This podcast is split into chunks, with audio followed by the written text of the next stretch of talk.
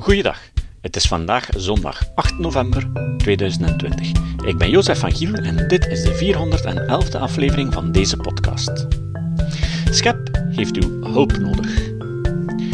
Jullie herinneren je ongetwijfeld dat ik een jaar geleden opriep om geldelijke steun te geven aan twee SCEP-leden die gedagvaard werden door een bedrijfscoach. Zij hebben dat proces toen gewonnen, maar deze charlatan laat het daar niet bij en heeft beslist om in beroep te gaan. Hij is vast van plan om een juridische uitputtingsslag te voeren. Daarom roep ik jullie nog eens op om opnieuw Patrick Vermeeren en Bart van de Ven te steunen, door een bijdrage te geven om de juridische kosten te dekken van het proces. De auteurs Patrick Vermeeren en Bart van de Ven worden aangeklaagd door een multimiljonair, een bedrijfscoach, die kleine ondernemingen en zelfstandigen puur goud belooft. En zijn opleidingsinstituut. Hij vervolgt Patrick en Bart wegens eerroof en vraagt nog steeds 400.000 euro schadevergoeding. Op de notitiepagina van deze aflevering vinden jullie een link naar meer informatie op de website van Scap om online te betalen. En ook een PayPal donatieknop. Bedankt op voorhand voor je steun. Enkele weken geleden heb ik de drie oprichters van Ecomodernisme Vlaanderen geïnterviewd. Mensen die naar oplossingen zoeken voor het klimaatprobleem, maar dan anders dan daar waar de traditionele groene bewegingen zoeken. Vandaag horen jullie het derde deel. We gaan deze keer dieper in op de kosten van kernenergie. Nu, het valt wel op dat in Europa bijvoorbeeld worden er bijna geen kerncentrales niet meer gebouwd. En die enkele centrales die ze wel aan het bouwen zijn, die gaan gigantisch over budget. Dus mm kunnen je de vraag stellen, is dat, heeft dat nog toekomst? Is dat niet veel te duur geworden? Ja, ik, denk dat we eerlijk moeten zijn en dat, dat we moeten zeggen van kernenergie in Europa, dat is een moeilijk verhaal. Hè? Maar mhm. ik, zeg niet dat het een onmogelijk verhaal is, want ik denk dat die kerncentrales in principe goedkoper kunnen gebouwd worden. Want we zien dat ook in China en in Zuid-Korea en in Rusland. Daar slagen ze wel in om die betaalbaar te bouwen. Dus dat is zonder grote kostenoverschrijdingen en zonder dat dat 15 jaar duurt of zo. Mhm. Dus in principe is het technisch mogelijk. Ja, ja. En er zijn allerlei redenen waarom dat het in Europa vandaag de dag zo moeilijk is. Maar ooit. En wat zouden die redenen zijn? Er is een grote bouwstop eh, geweest, hè, sinds de jaren 90 al, hè, eh, waardoor dat een groot deel van de expertise verloren is gegaan. Mhm. Eh, een volledige generatie dat, dat daar gespecialiseerd in was, is weg. Die bestaat niet meer. Mm Wij hebben nog wel een deel van de kennis, maar je moet, om op grote schaal terug energie goedkoop te kunnen bouwen in Europa, hebben we terug een supply chain ja, je hebt een stabiele politieke situatie. Hè. Een kerncentrale die gaat geen 20 jaar mee of 30 jaar mee, zoals zonnepanelen en windmolens. Een kerncentrale gaat 60, 80 tot 100 jaar mee, of langer zelfs, afhankelijk hoe goed het de onderhoud is. Mhm. Dus je hebt meerdere generaties die over het beheer van die kerncentrale gaan dat is één. Dus om die kosten naar beneden te krijgen, ja, de expertise is er niet. En de politieke wil is er ook niet. Mhm. En dan is het wel heel moeilijk om, om ze goedkoop en binnen het budget te produceren. Mhm. En een ander deel daarvan is ook standaardisatie. Frankrijk heeft eh, in de jaren 70 heeft kernreactoren aan de lopende band gebouwd. Dus eigenlijk elke keer dezelfde kernreactor bij elke volgende kernreactor wordt hij lichtjes aangepast, hè, dus om nieuwe technologieën te implementeren, maar niet zo drastisch dus dat het ontwerp volledig anders was. Mhm. Dus daardoor konden ze eigenlijk gewoon in serie bouwen. En de snelste uitbouw van CO2-arme energie is nog altijd in Frankrijk. Ja. Hier ga ik even een ballonnetje oplaten. En ik weet, Drago gaat hier niet eens zijn met mij, maar we kunnen er wel over discussiëren volgens mij. Ehm, dat is eigenlijk, ik heb het over geavanceerde kernenergie. Daar wil ik het eigenlijk eens over hebben. Dus uh, small modular reactors. Ja. Wat zijn dat? Dus SMR's, uh, zo gezegd. Um, dat zijn kleinere uh, reactoren die modulair kunnen gebouwd worden. Hè. Dus die modulaire onderdelen hebben. Ja, eigenlijk, in een scheepscontainer. Nee, in een, in een scheepswerveerder. Hè. Dus, een 40 voet container. Ja, dus, dus in een scheepswerf zouden ze... ja, dus ten eerste ja, gebouwd alle onderdelen modulair. Hè. Het, is, het is mhm. bij wijze van spreken En je ze steeds opnieuw, dezelfde, dezelfde serie na serie na serie. En ja, oké, ik, ik denk dat ze, wanneer was het nu weer? Was het nu 2029? Ik denk 2029 of 2026, ik weet het niet meer. Newscale wil in elk geval, ik dacht in ja, een of andere Amerikaanse staat, willen zij allemaal small modular reactors zetten. Dus van die kleine kernreactoren, die eigenlijk uh, veel minder groot zijn, passieve veiligheid hebben, dus ook veel veiliger zijn. Maar ze moeten ook, naast hernieuwbare energie, kunnen zij ook kleinere stukjes flexibiliteit aanbieden. Mhm. En uh, dat vind ik een heel interessant verhaal. En ik denk, als dus in Europa ik denk dat we onze huidige kerncentrales moeten openhouden, omdat dat gewoon een verstandige keuze is als je kijkt naar een energietransitie en tegelijkertijd uh, hernieuwbare energie uitrollen. Maar dan moet je ook werken of innoveren naar zo snel mogelijk ertoe komen om die small modular reactors te kunnen bouwen. Omdat, ik zeg het juist ook, ze kunnen kleinere stukjes flexibiliteit naast hernieuwbare energie bieden. Je kunt ze aan of uitzetten. In de namiddag kunt jij met weinig zon of met weinig wind, kunt je die aan of uit gaan zetten naar lang wat dat de vraag is. Mhm. En ik zie daar een grote dingen in. Je kunt die ook veel sneller produceren. Uh, maar dragen wij daar niet mee akkoord? Dat klopt, maar ik weet niet welk stukje dat ik uh, niet akkoord mee zou zijn. Ah, toch niet? Ja, ik dacht behalve, dat behalve, behalve het stuk uh, van passieve veiligheid. Die bestaat al hè, in generatie 3 kernreactoren. Hè. Ja, dus, maar dus, dus... Nee, nee, nee, wacht die is er al. Niet alleen dat, momenteel zijn zij ook nieuwe brandstof aan het testen. Dus brandstof dat niet kan smelten of smelttolerant is, zoals ze het noemen. Van drie verschillende fabrikanten. En de testen worden nu gedaan in Frankrijk en in de Verenigde Staten. Dus in het geval dat er een koelingsverlies zou zijn, kan die brandstof uh, veel langer weerstaan zonder te smelten. Want het probleem van een meltdown is dat de omhulsel waarin uranium in zit, dat die smelt. Die kan die hoge temperaturen niet aan. Waardoor je een meltdown krijgt. En wat gebeurt er dan? Ja, uw kerncentrale is dan totaal los, maar in principe voor een meltdown is niet zo gevaarlijk voor de volksgezondheid. Mhm. Zeker niet met onze kerncentrales, omdat daar zoveel veiligheidssystemen rond zitten dat dat nooit kan ontsnappen. Mm ja, maar dan, dan had ik u verkeerd ingeschat. Ik ga het misschien wel uitleggen, de context rond. Ja. Onder voorstanders van kernenergie is er nogal een debat bezig. Een beetje het kleine reactoren versus het, het grote reactoren debat. Mhm. En er zijn mensen ehm, die eigenlijk nog heel veel zien in die grote reactoren, die denken dat ze nog volop gaan gebouwd worden. Eigenlijk in de Europese context denk ik dat niet. En die mensen die eigenlijk ook eerder neigen aan die grote reactoren, die denken ook vaak dat die kleine reactoren eerder een afleiding zijn. En ja, er, er, ergens, ergens is het ook zo. Hè. Allee, draai het of keer het, ze zijn er niet. Hè. Je kan ze niet bouwen. Hè. Ja. Ja, er, is geen enkel bedrijf, er is geen enkel bedrijf die op dit moment een kleine modulaire reactor kan leveren. En waarschijnlijk ook niet binnen tien jaar. Of ten vroegste binnen tien jaar. En dan heb je natuurlijk weer het probleem. Je moet een supply chain je moet een vraag creëren. Dus, en dat duurt ook nog eens 20 tot 30 jaar voor je effectief een grote commerciële impact kan hebben op energie.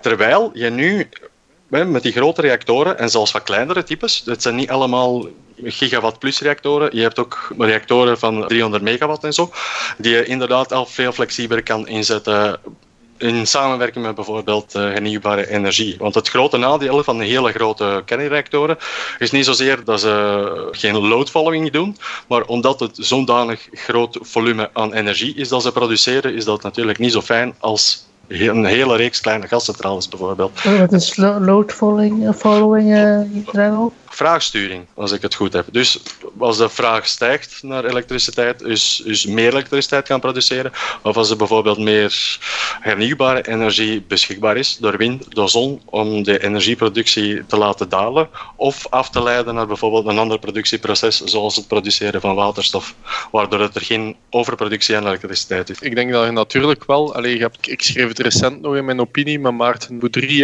ik schreef iets in de zin van net zoals dat je de zoektocht naar een coronavaccin eigenlijk, of ja, koortsachtig zoekt naar een coronavaccin, moet je eigenlijk ook innovatie actief gaan versnellen. Hè? Dus mhm. je gaat proberen richting die SMR's te werken, hè? die small modular reactors. Tuurlijk. maar maar ik, ik, denk ook, ze zijn ook nodig voor um, bijvoorbeeld proceswarmte of waterstof. Hè? Dus als je denkt aan, aan staalproductie bij ArcelorMittal, mm zo'n kleine reactor op de site zelf, en ik weet dat voor sommige mensen gaat dat gaat dat klinken, ja, maar wat met veiligheid? Ik had er net ook al over passieve veiligheid. Hè, ja. Dus ik denk dat dat wel een, een toekomst is waarin dat uh, kernenergie gemakkelijker warmte kan voorzien aan processen die moeilijk, waar dan moeilijk uh, CO2 te vermijden valt. Dat is inderdaad veelbelovend en dan spreken we over hoge temperatuur uh, kernreactoren. Maar niet nog verder dan de kleine reactoren op op ja, water, waterdruk. Hè? Dus- daarom ook. Ik bedoel gewoon ook het, het, het beste moment om te beginnen innoveren was uh, 20 jaar geleden. Maar het tweede beste moment is vandaag. Hè. Tuurlijk, um, tuurlijk. En technologie die je ontwikkelt voor grote reactoren kan je ook toepassen in kleine reactoren. Hè. Dus de, de, de, bijvoorbeeld de materialen die je ontwikkelt voor het ene, kan je ook gebruiken in het ander. Dus die staan niet in strijd met elkaar. En het grootste deel, denk ik, van de proceswarmte van de industrie zit nog altijd onder die 300 graden. Dat door de huidige kerncentrales kan geleverd worden. Hè. En dan spreek alleen staal hè, of hogere temperaturen, uh, industrie, waar je dan inderdaad nieuwe technologie weer nodig hebt uh, om die proceswarmte te, te, genereren, denk ik. Hè. Ja, maar natuurlijk in de staalindustrie eh, is het probleem niet proceswarmte genereren. Hè. Mm -hmm. die, die, die wordt geproduceerd door het proces. Hè. Het, het punt is dat de reductiereactie moet op gang krijgen. Hè. En dan heb je geen warm... Ja, die warmte die komt er automatisch omdat het exotherme processen zijn, maar je moet ah, ze ja, okay, uit... ja, op die uh, manier... Um, ja. Gehaald ze... Eigenlijk is de koolstof... Koolstof uit de kolen is geen brandstof in de, in de staalindustrie, maar een grondstof. Ja, ja, ja, ja. Het is, de reductor, CO is de reductor uh, om eigenlijk het zuurstof uit de ijzererts te halen. Hè. Ja, maar dan zou je eigenlijk elektrolytisch waterstof kunnen gebruiken. Ja, ja, Dus er zijn eigenlijk twee elementen die als reductor kunnen gebruikt worden in de staalindustrie. Dat is koolstof en waterstof. Hè. Ja, ik vind, ik vind dat altijd uh, heel, heel leuk om, om te dingen. Ja, allee, dus als je het over klimaatplan hebt, Bill Gates die vraagt altijd, ja, wat, zou de, ja, wat is uw plan voor de staalindustrie? Mm -hmm. En eigenlijk voor de industrie in het algemeen lijkt mij dan... Ja, ik, ik denk innovatie is een belangrijke poot voor ecomodernisme, ja. denk ik. En het, hetgene wat ik daar wel over wil zeggen ook is, en wil benadrukken, is ja, vaak critici zeggen van, ja, maar Gulder wacht eigenlijk op tot innovatie uit de lucht komt vallen. Ik zeg, nee, dat is niet waar. Wij willen eigenlijk dat, dat we zo snel mogelijk technologie krijgen en we versnellen die zoektocht actief. Ja, um, en, en, ook uh, dat we technologie die al bestaat en die goed werkt, dat we die ook al uh, uitbouwen. Hè? Dus, dus het is ja. een, twee sporen dat we werken. Hè? Zowel we beseffen dat we, om het klimaatprobleem op te lossen, dat we zeker innovaties zullen nodig hebben, maar dat wil niet zeggen dat we nu moeten stilzitten en bestaande oplossingen niet moeten uitrollen. -hmm. Ja, maar de bestaande zijn niet voldoende. Hè. Ik denk dat er sommige mensen leven met gedachten van ja, kijk, uh, er zijn voldoende oplossingen en wij moeten zelf maar uh, minder gaan consumeren en uh, minder gaan consumeren bedoel ik. En wij moeten maar, allee, ja, ja, je, je, snapt wel wat ik naartoe wil gaan. ja. Hè. Ik, Oh, dat politieke wil is. Ze denken dat het enkel van politieke wil afhangt. Mm -hmm. um, maar nee, er is ook innovatie en nieuwe technologie nodig die op dit moment nog niet op die grote schaal gebruikt wordt. Denk aan Ja. koolstofcaptatie. Dat is nog in de- een totaal, eh, een, een technologie die totaal in de marge zit. hè. Mhm. Ja, daar wou ik inderdaad ook op inpikken, hè, want wij hoeven niet per se volledig van fossiele brandstoffen af. Hè. Zoals in de staalindustrie kan je ze blijven gebruiken zolang je geen vervuiling hebt, hè, dus geen uitstoot. Dus als je ervoor kan zorgen dat er niks ontsnapt in het milieu, zoals je dat met kernenergie hebt, dus je hebt wel afval, maar dat komt niet in het milieu en vervuilt niet, ja, dan is het probleem met fossiele brandstoffen ook opgelost. Mhm. Ontkoppeling, Drago, ontkoppeling. Hè? Eigenlijk wel, hè. Ja, je zorgt inderdaad gewoon dat de CO2 niet in de vrije natuur komt, hè, waar het dus eh, schade kan aanrichten aan het klimaat. Ik ben zeker niet tegen CCS, maar ik denk wel na. Dus CCS is eh, Carbon Capture and Storage. Dus dat betekent stof of CO2 eh, afvangen uit uitstoot en het dan onder de grond opslaan. Hè. Maar ik denk wel, als je dat op een gascentrale zet. eh, ten eerste, die gascentrale, eh, ja, dat kost al een pak duurder om die te draaien. Het is minder efficiënt, want je moet een deel van je energie eigenlijk investeren in die CO2 eh, opvangen. Ja. En ja, ten derde ook, ja, dat valt te vermijden. Hè. Ja, stel nu voor dat de kosten van CCS dus niet dalen, dan zit je wel met een fossil lock-in en dan zit je daar met je gascentrales. Hè. Ja. Ik denk dan eerder naar staalindustrie, hè, dat, dat, dat daar Ja, de toepassing veel interessanter ja. zou zijn. Maar hè, dat was, waar- waar dat je- was inderdaad mijn punt ook. Ik, ik denk ook gewoon, ey, er zijn toepassingen waarvoor dat, dat interessant is. Ey, toepassingen waarbij dat je geen andere weg uit kunt. Hè. Daar lijkt mij CCS heel Ja. interessant. Maar je kunt Ja, natuurlijk maar- nog een stap verder gaan. hè. Men spreekt van eh, synthetische brandstoffen. Hm, Dus eh, Ja. dat men dan carbon capture doet en dan die koolstofdioxide gebruikt om synthetische brandstoffen te produceren. Met- Is dat met een waterstof, hè, uit waar jullie iets in zien? Ja, met waterstof, dus door te kraken, door met waterstof ja, ja, eh, ik, via denk, een- ik, ik denk wel. ehm, ik, denk, ik zie het daar wel iets. Fischer-Tropsch-proces is zo'n proces, hè. Het is ooit uitgevonden door de nazi's, hè. Dus je kan dus al heel efficiënt waterstof produceren uit de restwarmte van eh, kernenergie. hè. Dus dat is iets waar eh, Frankrijk nu volop op inzet. Is dat thermolyse? Dat is hoge temperatuur elektrolyse. Dus hoe warmer je stoom, hè, die je gaat opbreken in zuurstof en waterstof, ja, hoe minder elektriciteit dat je daar moet insteken. En hoe, ja, dus hoe hoger de temperatuur, hoe efficiënter dat, dat proces loopt. Dat is het voordeel van dus kernenergie in vergelijking met hernieuwbare energie. Ja. Omdat je die warmte hebt die nu eigenlijk voor niks gebruikt wordt. Ik dacht ook dat als je het over die electrolyzer had. Ja, maar inderdaad, als je je electrolyzer te weinig gebruikt, hè, dan, dan is dat eigenlijk stilstaande apparatuur. Hè, en dan kost dat eigenlijk veel meer om je waterstof te gaan produceren. En dat zou wel een keer het geval kunnen zijn. Met wind en met zon kunnen zij wel voldoende uren draaien om stabiel waterstof te gaan produceren aan een goedkope prijs. Dus Ja. Ik denk, ik denk dat je misschien die twee aan elkaar kan koppelen. Hè? Dus je kan een bepaalde hoeveelheid hernieuwbare energie heel goedkoop zetten, waardoor dat die elektriciteit goedkoop is, en de warmte van kernenergie gebruiken. En die twee samen combineren om een nog een goedkoper product eh, te maken dan zeg maar, elektriciteit uit kernenergie te gebruiken ja, ja, ja, ja, dat- om- voor dat proces. Ja, maar die, die, die synthetische brandstoffen of die synfuels, dat is natuurlijk wel heel belangrijk, bijvoorbeeld voor de luchtvaart. Hè. Dus Ja, Ja, om ke- kerosine te gaan vervangen, hebben we dus eigenlijk die synthetische brandstoffen heel erg nodig. Omdat eigenlijk de, de andere optie is dan biobrandstoffen. Maar daar, daar kleven zoveel nadelen aan. En dat is dikwijls, eh, daar moeten ze dan gewassen voor kweken die dan in concurrentie Ja. zitten met voedselgewassen. En dat is eigenlijk heel slecht eh, voor het milieu. Ja. En biomassa heeft ook de laagste energiedichtheid dus van alle vormen. Mhm. Je hebt, gaat veel meer land gebruiken dan eender welke andere energievorm. Ja, je moet heel veel eh maïs voor je ethanol kweken. Hè? Ja, nee, dat is een ander debat uiteindelijk ook. Ik denk, eh, als je het hebt over afvalstoffen, eh, cellulose enzovoort, eigenlijk heel toevallig, mijn thesis ging daarover.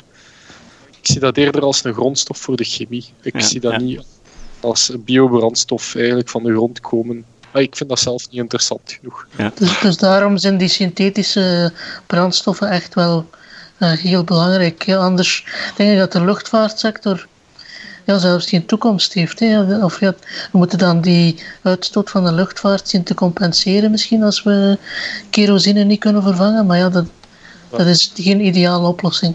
En dat stoort mij tegenwoordig wel een beetje aan, eh, laten we zeggen, het klassiek groene deel van de milieubeweging, is dat ze eigenlijk heel vaak wijzen naar die luchtvaart, die eigenlijk 2% uitstoot, maar dan eigenlijk zelf, allee, ja, daar met een, een, een vijandsbeeld naartoe kijken Ja. en eigenlijk niet met oplossingen afkomen Ja. van kijk, hoe- dit is er hoe, dat we, eh, hoe dat we het hier zouden kunnen doen. Zoals Thomas zegt, ja, er zijn geen ideale oplossingen. Hè. Dat is uiteindelijk wat ecomodernisme ook voor staat. Hè. Ja, ja. In tegenstelling eh, met de groene partijen, hè, die alleen ideale oplossingen aanbieden. Hè. Nee, wij, wij kunnen gerust zeggen van... Voor sommige dingen hebben we geen oplossing. En Ja. we- we gaan ze op een manier moeten doen, zoals inderdaad het afvangen van de CO2 van de luchtvaart, hè, een deel van synthetische brandstoffen maken. Dus met minder mooie eh, eh, oplossingen, maar we moeten er toch wel geraken. Ja, maar ik denk, En hoe meer tools hè, dat we in de toolbox hebben, dus hoe meer technologie dat we kunnen toepassen, geraken we daar veel sneller. En dat is denk ik het verschil tussen ecomodernisme Dat en... is, dat is inderdaad ook een beetje het punt. Ik denk, eh, wat dat Drago maakt, is hoe meer tools in de toolbox, hoe meer eigenlijk dat we pragmatisch zijn.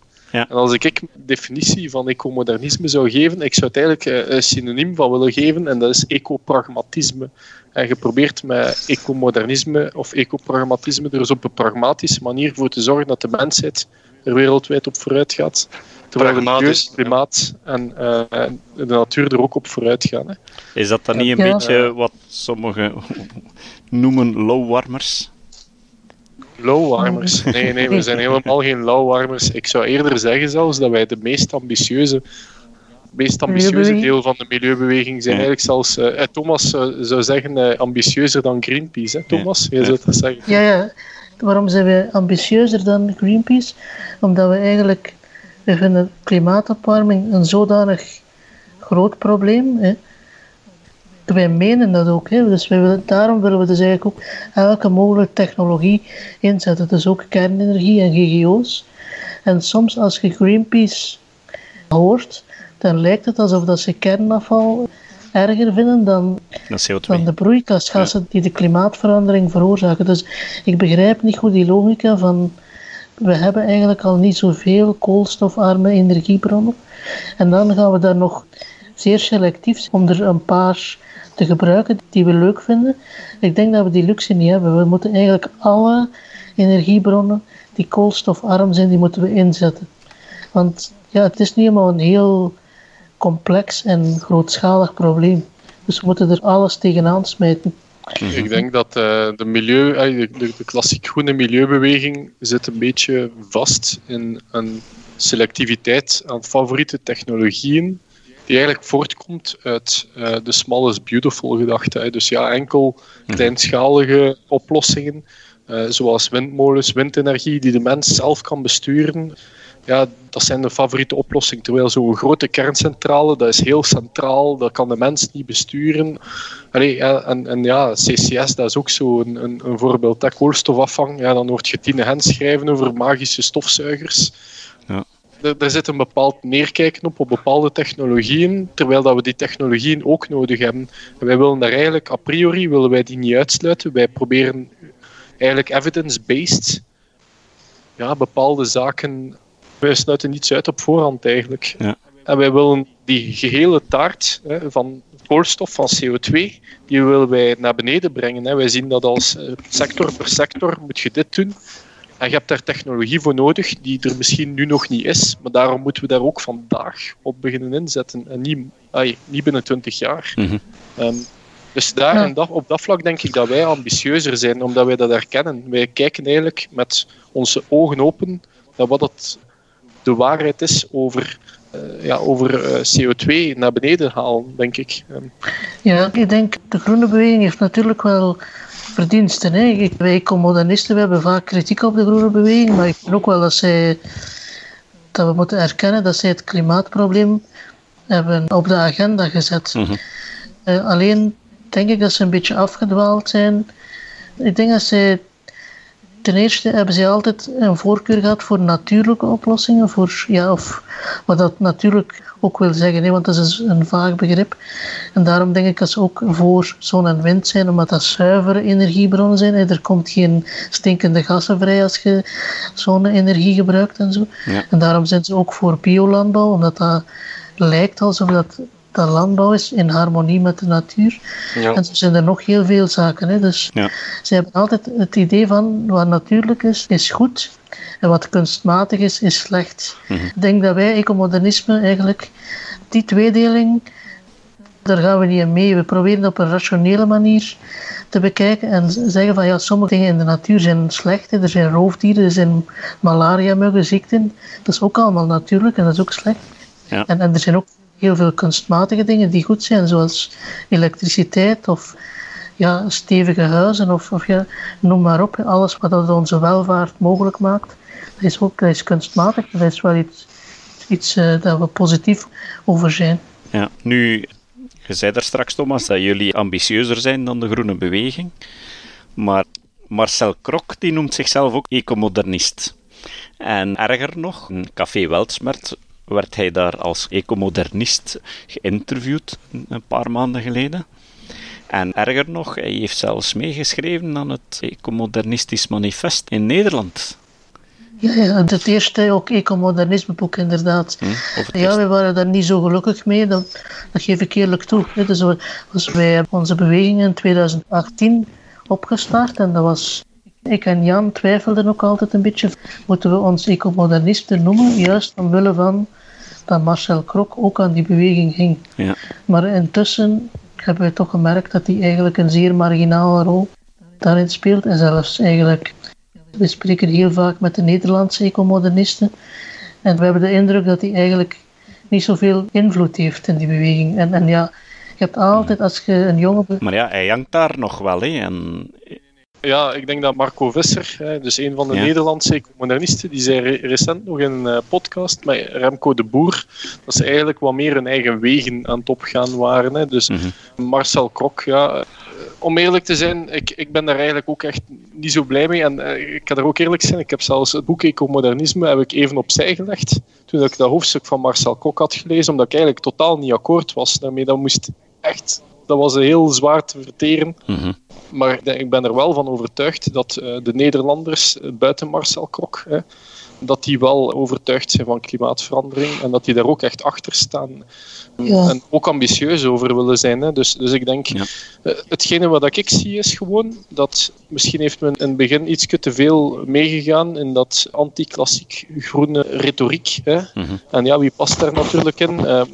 De Marcel Krok, die herkent zichzelf daar ook in, hè, ja, tegen dat Ja. Bashen op die groenen. En daar vrees ik een beetje dat veel figuren dachten dat ecomodernisme dat initieel was. En ik denk dat dat ook bij de ecorealisten zo zit. Hè. Zij we zijn ook een beetje anti-groen. Zij zijn ook een beetje... Dingen, zij willen zich daar tegen afzetten. Dus ja, dan gaan zij ook wat gaan, eh, warm en koud gaan blazen. Maar dat is niet voor wat dat ecomodernisme staat. Ecomodernisme staat eigenlijk voor een ambitieus milieubeleid dat eigenlijk afrekent met bepaalde dogma's Mhm. in de klassiek Ja. groene milieubeweging. Wat ook heel veel, zowel de Groenen als anderen, heel vaak doen, is eh, kiezen welke wetenschappelijke consensus ze aanvaarden. En anderen die niet in hun ideologie passen, die stoten ze af hè, of die erkennen ze niet. En ik denk, ja, iemand dat de ene aanvaardt en de andere ontkent, ja, hoe moeilijk een ecomodernist kan zijn. eh. Ja, ja. Ik denk, denk ook niet dat Marcel Krok representatief is voor ecomodernisme. Mhm. Ik denk dat een basisvoorwaarde is om jezelf ecomodernist te noemen, dat je de klimaatverandering of de klimaatopwarming erkent, dat dat bezig is, Mhm. dat dat door de mens veroorzaakt wordt. En tot slot, heel belangrijk, dat het ook een zeer ernstig en zeer urgent probleem is. Mhm. Dat, dat is heel belangrijk. Ik denk, het is lauwwarmer, dus mensen die zeggen van, ja, er is klimaatopwarming en ja, het is misschien wel door de mens veroorzaakt, maar we moeten er eigenlijk niet veel aan doen. Ja, nee, die kunnen zich voor mijn part geen ecomodernist Ja. Dus ik denk, ja, er zijn altijd mensen die zichzelf ecomodernist noemen, we kunnen dat niet tegenhouden. Maar ja, goed, wij, wij proberen onszelf ons positief verhaal te vertellen van dat we dus het klimaatprobleem ook kunnen oplossen. Ja. Ook al is het een groot probleem en ook al hebben we niet veel tijd. Mhm.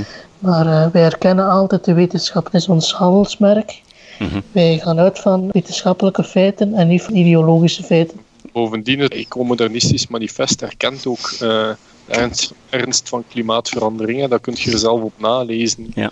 Ehm, dat zijn zeker geen klimaatontkenners, maar ja, dat wordt natuurlijk zo weggezet door tegenstanders. Hè, ja. ik, ik denk ook dat zij niet comfortabel zijn dat ja, ehm, ecomodernisten eigenlijk een deel van de milieubeweging zijn die een paar van hun groene huisjes proberen aankaarten zoals GGO's of kernenergie. Eh, Ze zijn daar natuurlijk niet zo gelukkig mee. Dus ja, er zijn veel verdachtmakingen naar ons toe, dat is waar. Ja, zeker. Vooral ook als je niet zegt dat de wereld zal vergaan hè, door de klimaatopwarming. Ja, dan pas je niet in dat huisje. Maar als je eigenlijk kijkt naar de klimaatwetenschap, ja, in geen enkel scenario kan het voorvallen dat wij eigenlijk allemaal gaan vergaan. Hè. Dus een apocalyptische wending. Het is iets dat heel traag op een hele lange periode gaat evolueren. Maar natuurlijk, hoe warmer het wordt, hoe meer van het natuurlijk milieu eh, vernietigd zal worden en hoe sneller we onder druk zullen komen staan. Dus het is, het is wel zo dat hoe minder opwarming er is, hoe beter dat het is en hoe stabieler we naar de toekomst kunnen kijken en ons gemakkelijker kunnen aanpassen aan een trager ver- veranderende wereld dan een versneld veranderende wereld. Mooie afsluiter eigenlijk. Ik weet niet of dat er nog iets is dat jullie absoluut nog willen vertellen eh, voordat we afslu- volledig afsluiten.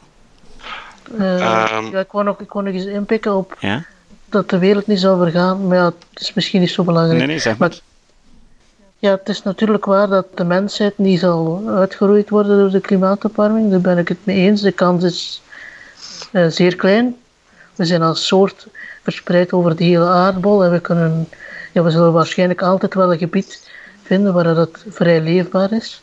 Maar dat wil natuurlijk niet zeggen dat de klimaatopwarming niet voor honderdduizenden of miljoenen doden zou kunnen zorgen. Dus Mhm. het is wel, als je zegt de, wereld zal er niet door vergaan, dan denk de meeste mensen, ja, oh, het valt wel mee. Maar nee, dat is het ook niet natuurlijk. Ja, Het, is, het is wel heel ernstig natuurlijk. Kijk, ik Ja. denk, ik, ik, ik denk ehm, bij mij, eh, hoe, dat, hoe dat het daarmee zit, is, ik denk ook gewoon, eh, je, moet het, je mocht het probleem natuurlijk niet gaan ondergraven. Hè. Ik denk dat de sense of urgency om te handelen, die zit er bij ecomodernisten sterk in. Hè. Maar wat dat we wel een probleem mee hebben, is deadlineisme en alarmisme. Hè, dus eigenlijk, alarmisme is dingen overroepen. Hè. Ja, dus ik zou eigenlijk zeggen, dat je bijvoorbeeld RCP 8.5, hè, dus dat is een bepaald scenario dat eh, beschreven staat in het IPCC-rapport, dat eigenlijk niet realistisch is bevonden door wetenschappers. Mhm. Ehm, en dat wordt steeds weer aangehaald eigenlijk. Ja, ja, of als business as usual verondersteld, terwijl dat, dat eigenlijk ook niet waar is. Hè.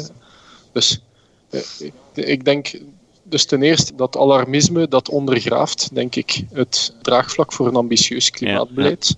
Dat denk ik. Hè. Dus En dat zou kunnen, psychologisch gezien. Hè. de mensen zouden kunnen denken, we kunnen er toch niks mee aan doen. Dus, Ja, wel ja, het fatalisme slaat toe. En dan denk ik ook, of ik denk ook gewoon bij een breder deel van de bevolking werkt dat niet goed. En van ja, eh, zijn ze daar nu weer met klimaatdingen enzovoort, zouden, zouden ze dan kunnen zeggen. ja. En daarmee denk ik ook gewoon van, kijk, je moet het natuurlijk niet gaan verbloemen ook, hè, maar je moet eerlijk zijn, je moet mensen informeren, maar je moet het niet, je moet het niet gaan opblazen tot proporties, alsof dat iedereen gaat doodgaan, en alsof dat, maar terwijl dat, je moet het wel ernstig nemen. En het tweede ding wat ik ook eh, wil aanhalen, is eigenlijk van, ja, kijk, je moet, je moet eigenlijk gaan erkennen dat we die 1,5 graad waarschijnlijk niet gaan halen. Hè.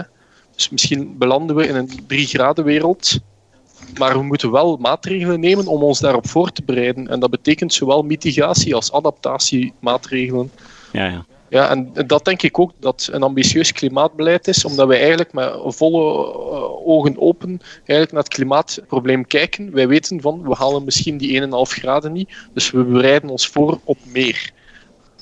En we proberen zo snel mogelijk naar een netto nul uitstoot te gaan. Dat denk ik dat de essentie is van een belangrijk klimaatbeleid. Zeker, en dit is eh, een van de grootste uitdagingen voor, van de mensheid. Maar er zijn nog van die hele grotere uitdagingen, zoals eh, die 1 miljard mensen die in extreme armoede leeft. En wat heel vaak eh, wordt voorgesteld is, ja, we moeten allemaal wat minder gaan doen. En dan vraag ik me af, ja, wat moeten die mensen die nu al op minimum leven minder gaan doen? Want we moeten met z'n allen minder gaan doen Mhm. om het klimaat op die manier enigszins te proberen te beïnvloeden. En ik denk dat dat gewoon onmogelijk is. Ik denk de enige manier is volop in te zetten op technologie, zodat alle mensen in de wereld gewapend zijn tegen een veranderende wereld. In de eerste plaats en in de tweede plaats ja, zoveel mogelijk proberen tegen te houden. Dus die twee dingen moeten gewoon samengaan. Anders Ja, ik lukt het denk- niet. Als ik daar ook nog eh, even kan op inpikken, dan denk ik wel allee, dus dat het belangrijk is dat we mensen ten eerste meer welvaart en meer energie geven. Dus, eh, en uiteindelijk ook meer koolstofarme energie. Uiteindelijk moeten we daar via de Kuznets-curve naar evolueren.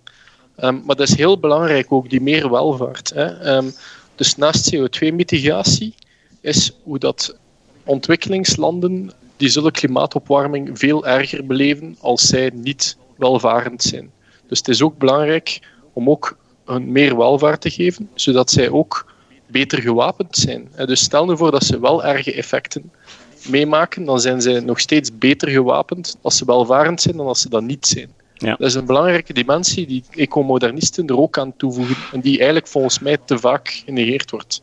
Inderdaad, en energie is eigenlijk een basisrecht hè, waar heel veel mensen geen toegang tot hebben. Hè. Het is Ja. ook niet zo dat, dat gebruik van meer energie ineens leidt ook tot gebruik van meer grondstoffen of van meer natuur.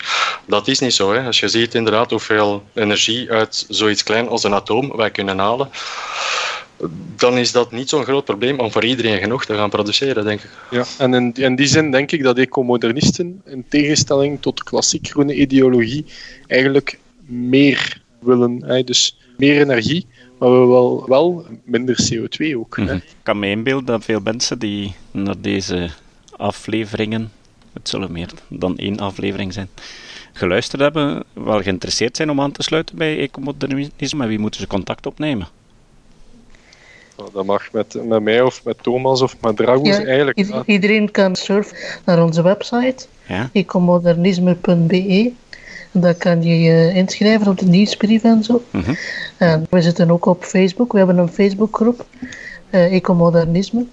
En daar kan je ook je bij aansluiten, kan je meediscussiëren met ons. Ja. En wij zitten daar ook, dus we kunnen gerust een discussie aansnijden of meevoeren. Ja. Ja. Dus iedereen is welkom, jong, oud, man, vrouw, of eh, trans en... eh, Links en rechts. Oké. En jullie starten ook een podcast, had ik begrepen. Ja, ja, dus we hebben vers van de pers, hebben een podcast gecreëerd. En uiteraard zal Maarten Boudry daar ook in figureren. Die kan zeker niet ontbreken. En we hebben ook nog eh, Nederlandse gasten die erin zullen voorkomen.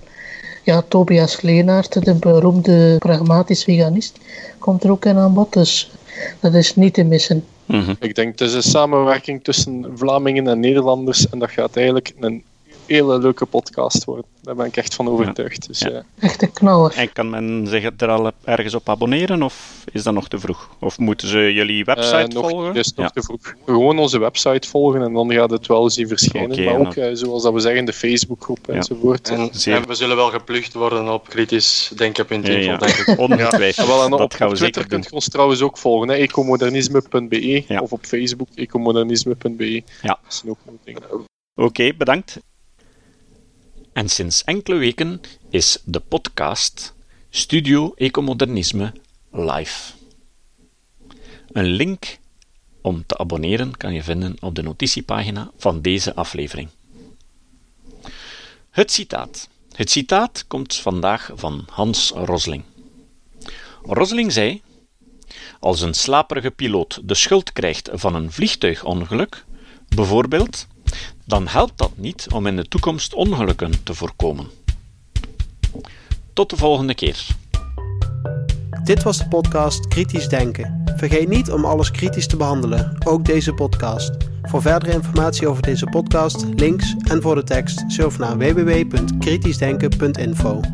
Als je deze podcast belangrijk vindt, kun je me steunen door anderen warm te maken ook eens te luisteren. Stuur een e-mail naar vrienden met een link naar de website en plaats de link in de handtekening van je e-mails. Tevens kun je op iTunes deze podcast een beoordeling geven of een recensie schrijven. Of je kan op je eigen website of blog een link naar kritisch denken plaatsen.